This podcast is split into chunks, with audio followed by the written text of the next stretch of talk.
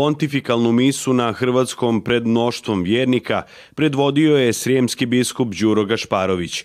On je u svojoj homiliji istaknuo kako je u pastoralnom i duhovnom smislu svetište na tekijama povlašteno mjesto za sve hodočasnike koji ga pohode.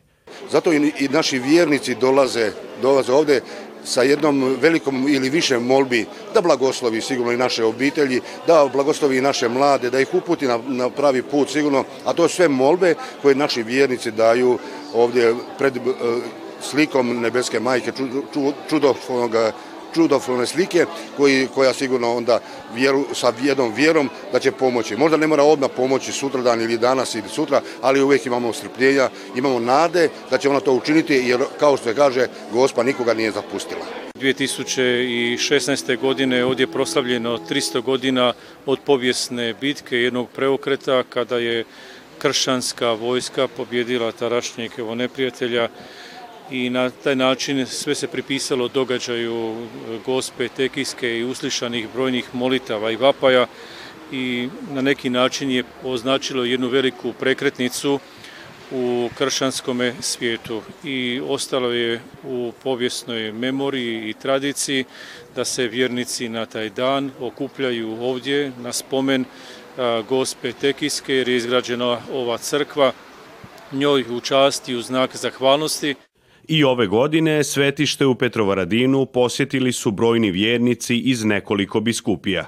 Dolazim isključivo svake godine i to biciklom iz Samoša. Oko 95 km ima u jednom pravcu. Ovde mi je mnogo lepo. Dolazim iz San Francisco, iz Kalifornije. Ja sam inače stari Petrovaradinac ovdje i uvijek mi je drago iznova vratiti se ovdje i gdje sam prije boravio. Ja sam negdje 20, prije 20 godina došla u Novi Sad i onda sam oskrila tekije.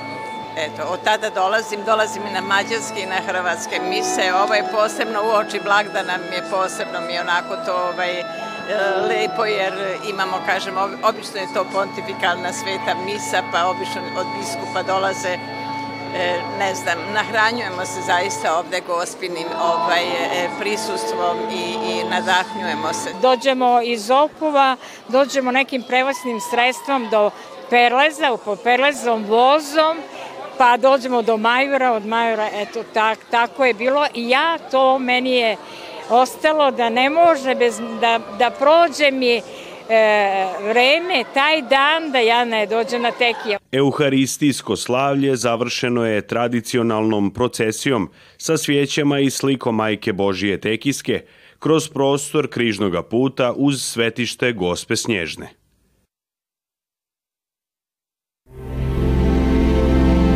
Gledate paletu. Izbor iz emisija na jezicima nacionalnih zajednica.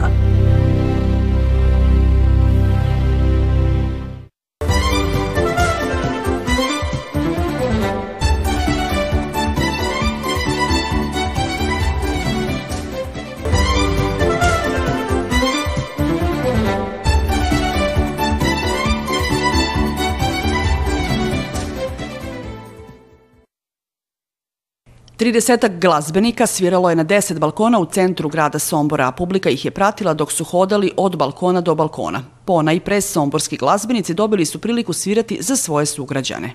Danas u punom sastavu, znači naše storice, jedan sekstet stupak.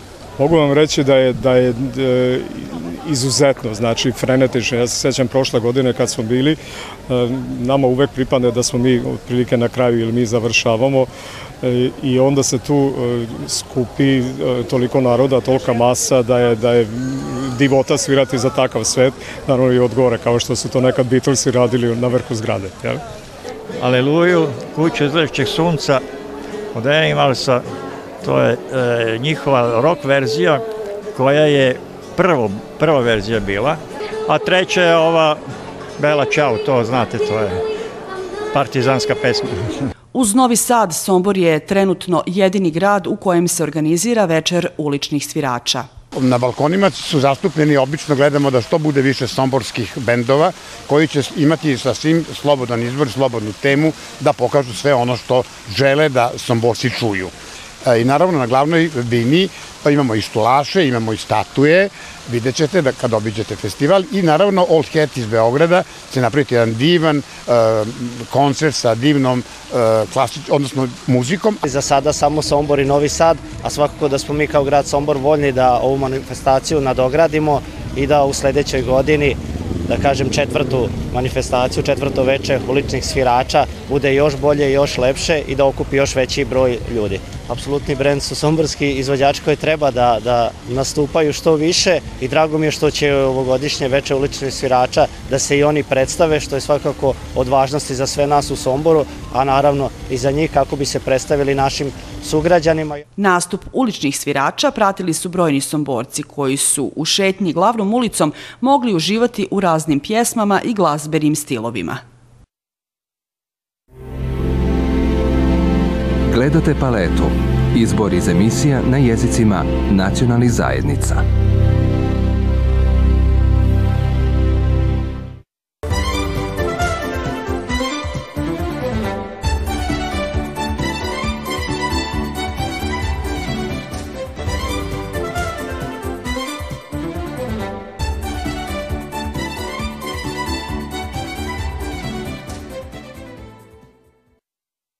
Župa Nikinci prvi put se spominje u 14. stoljeću. Nakon turskih pustošenja Srijema ona biva ponovno utemeljena 1807. godine i razbila se iz misijske ispostave. Nakon dvije drvene crkvice koje su bile posvećene Svetom Antunu, 1852. godine izgrađena je zidena crkva, ali ona je srušena u bombardiranju 1944. godine. Danas postojeća crkva podignuta je prije 50 godina. Dolaskom župnika Antuna Devića 71. godine 20. stoljeća počela izgradnja ove za, za ono vrijeme moderne crkve u kojoj se sada nalazimo, a koja ove godine slavi 50 godina svog postojanja. Eh, broj župljana od tada je u stalnom opadanju i tako su pesimisti govorili da crkva tada i ne treba.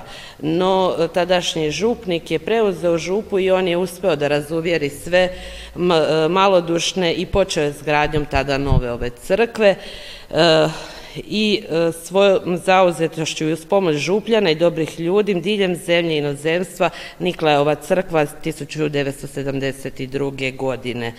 Eh, ova nova crkva je zamalo doživela sudbinu eh, svoje stare prethodnice jer koncem 20. stoljeća došli su novi ratovi, nove prostore, eh, bilo je postavljen eksploziv, međutim Bogu hvala obnovljeno je, nije bila pričinjena nikakva velika materijalna šteta. Župnik Anton Dević je započeo gradnju i završio, on je i završio E, gradnju i za toga, budući crkva nova nije bilo neki veliki ulaganje, jedino što smo je prije nekoliko godina izvana okrečili. Svi kažu da je crkva moderna, da je poput neke robne kuće, onda izgleda poput nekoga silosa, ali iznutra je divna, lepa, fina je, e, krasi je e, veliki kip svetog Antuna, krasi je križni put i jedno, jednolađna je i u modernom stilu je napravljena crkva, dosta je funkcionalna, može se dobro zagrijati e, preko zime, a ljeti se može oklad nije velika. Mali je broj župa u Sremu koje se mogu pohvaliti tolikom dugom povješću postojanja i drago nam je da smo opstali uprkos svim e, e, prošlim vremenima, tako da Bogu hvala župa i dalje živi, aktivna je, vjernika ima, jeste da je broj u opadanju, ali imamo redovito sve te mise, vjeronauk se drži, tu je jedan određen broj djece, negdje oko 20 u, dakle, koji pohađaju osnovnu školu i župni vjeronauka, isto tako i školski vjeronauk u školi. Unatoč brojnim zbivanjima i nedaćama kroz povijest, župna zajednica koja danas broji oko 360 vjernika ne gubi nadu da će uspjeti opstati u Nikincima i svjedočiti svoju vjeru.